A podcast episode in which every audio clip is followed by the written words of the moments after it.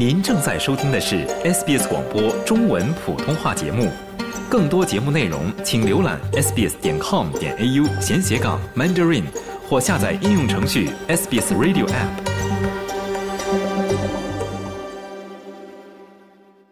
红海货轮遭受袭击，对于澳大利亚的经济产生了怎样的影响？澳洲政府对此做出的回应又是出于怎样的考量？下面请听澳洲经济学者 Ryan 唐博士的分析。好，现在我们请来的是格里菲斯大学商务战略与创新系副教授 Ryan 唐。你好，唐博士。你好。最近呢，我们看到红海。货轮遭受攻击，不过我们今天的重点来谈一下红海货轮遭受攻击对于澳洲的经济会有什么直接的影响呢？唐博士，好的，这是一个非常重要的话题，呃，因为它的背后呃其实蕴藏着很多的地缘政治的呃原因。那么这个胡塞武装对这个红海地区商船的袭击，其实是不同的这个。呃，地缘政治的呃这个事件的结果而已，但是这个结果实际上对澳洲的就是国际贸易是会有一些影响的。实际上，呃，澳洲对这个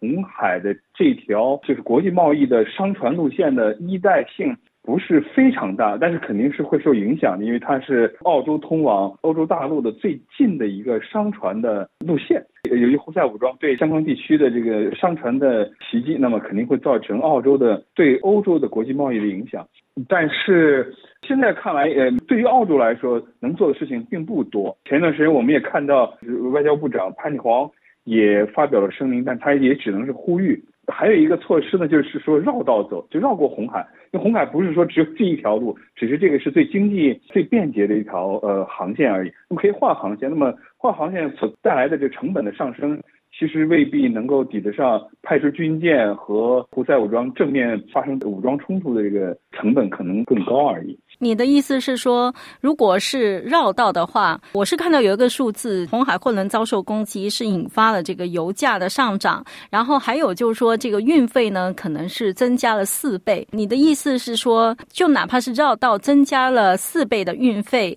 也要比澳洲派出军舰去跟胡塞武装在红海发生冲突的成本要低，是吗？呃，这是有可能的，因为这个呃，我们不知道，如果澳洲派出军舰去保护澳洲的商船，那么可能会造成多大的成本？而且按照美国的要求，可能并不是简单的派出一个军舰保护澳洲货船，有可能是要参与整个红海的护航行动，会多大程度上的卷入这样的武装冲突，这是很难预测的。因为我们知道，现代军事其实呃打的不光是高科技了，实际上打的就是就是钱了，是真金白银的钱。啊，一枚导弹上上百万美金都是有可能的。那么一个军舰呃出动一次需要的养护、需要的人员、需要的各种呃后勤补给，其实花费也很大。呃，而且实际上澳洲对这个欧洲的这个国际贸易依赖呢，并没有那么大到一个很大的一个程度。关键是胡塞武装的问题什么时候能解决，现在还很难说。呃，一旦呃去介入，其实很难说是输是赢，而且经济上。是得利还是遭受损失，现在还很难说。如果呃这个派出军舰去红海去保护这个红海的商船线路，实际上也是体现了澳洲的大国地位。其实这个政治上也会有影响，就不光是一个经济上，也是个就是政治上的呃考量。但是一方面呃如果派出军舰的话，那一方面澳洲的确体现了大国风范，但是另外一方面呢？也直接卷入了跟胡塞的冲突，因为我们知道，呃，胡塞武装的背后并不只是说，呃，一个独立的一个在也门地区的一个小的武装力量，它不是的，它是后面有不同的呃政治力量的影响，所以实际上跟呃胡塞武装正面去冲突，实际上是直接跟胡塞武装背后的那些力量进行角逐。那么这个对澳洲能带来多大的好处呢？这个实际上是很难说的。刚才我们有讲到说可能会对油价产生影响，然后呢还有很多货运公司啊等等，就是说一些主要的集装船运公司，像他们需要运载一些成品，比如说电视、电子产品、运动鞋等等，这些几乎都全部都开始改道。所以呃，到底这个红海的这个局势，具体有没有对哪些行业是会造成比较大的影响？然后对于澳洲。而言，又是哪些行业会受到比较大的影响呢？呃，是这样的，就是说，呃，刚才我们没有呃提到了油价，但是没有具体说的原因是说，因为实际上每当中东地区不稳定的时候，那么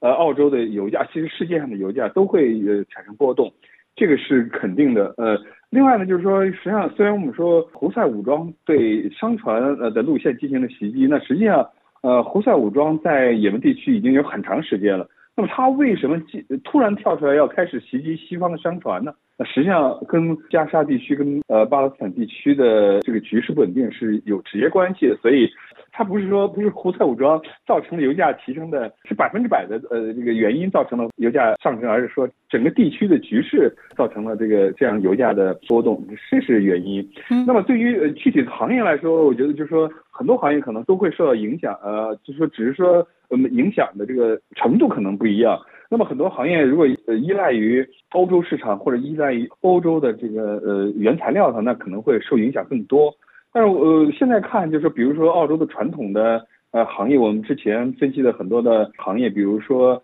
呃农产品啊，比如说红酒啊这样的行业呢，影响未必就非常大。虽然我们前一段时间也看到从澳洲出口到英国的白葡萄酒呃这个市场呢呃在不断的增长，但是实际上就呃增长还是有限，而且它。会受到商船线路的影响的程度呢，可能没有那么高。呃，目前看来啊，所以我觉得这是澳洲的考量，可能综合考量，觉得因为实际上美国已经很早就提出希望澳洲也派军舰去。呃，因为实际上澳洲是可以做，但是呃，考虑到综合的因素，呃，我相信那这是澳洲政府做出呃不派军舰的决定的呃重要原因，就是这个政治经济上的综合衡量，可能未必是就会是一件很好的事情，直接卷入。好的，那我们今天非常感谢格里菲斯大学商务战略与创新系副教授让唐博士的分析，谢谢你。谢谢。想在 SBS 当一回影评人吗？SBS On Demand 正在推送配有中文字幕的热门影视作品，您只需观看一部或以上影视作品，并把影评观后感发给我们，就有机会赢得一份 SBS 精美礼品。